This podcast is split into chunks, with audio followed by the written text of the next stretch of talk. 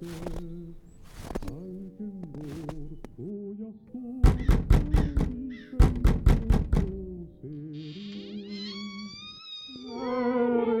in, kom in till Storysyndromets julkalender. Här dyker vi ner i folktrons land och berättar sanna historier från förr.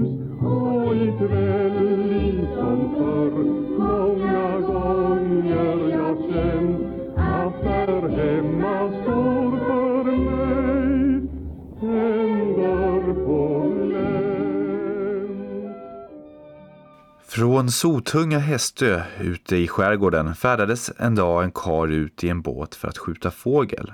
När mörkret kom la han till vid en liten holme och gick i land med förhoppningen att få syn på gråsäl.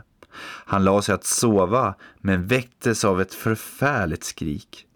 I tron att det var en gråsäl tog han geväret och klev upp på klippan för att spana. Men allt var åter tyst. Han la sig igen för att sova men nästan genast hördes samma skrik. För andra gången klev han upp på klippan, fast besluten att inte låta bytet gå honom ur händerna. Men uppe på klippan var det återigen tyst. Det enda han kunde göra var att försöka få sig lite sömn. Men precis när han hade slumrat hördes skriket igen. Ett skrik i nöd, ett utdraget och klagande dödsskrik.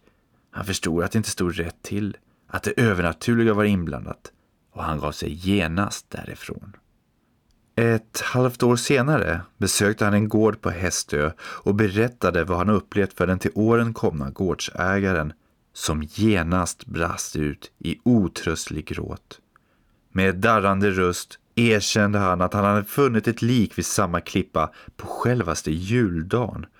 Men han hade helt enkelt tyckt att det var ett sånt besvär att, att rapportera in det och att se till att liket skulle få komma i vigd jord så han helt enkelt bara gömde liket under isen.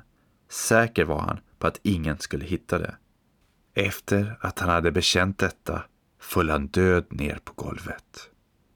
Mannen blev alldeles förskräckt och rädd för att det nu skulle vara hans tur att dö.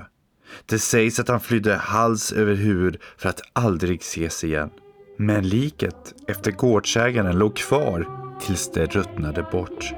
Och besöker man gården kan man än idag höra hur själva väggarna gråter.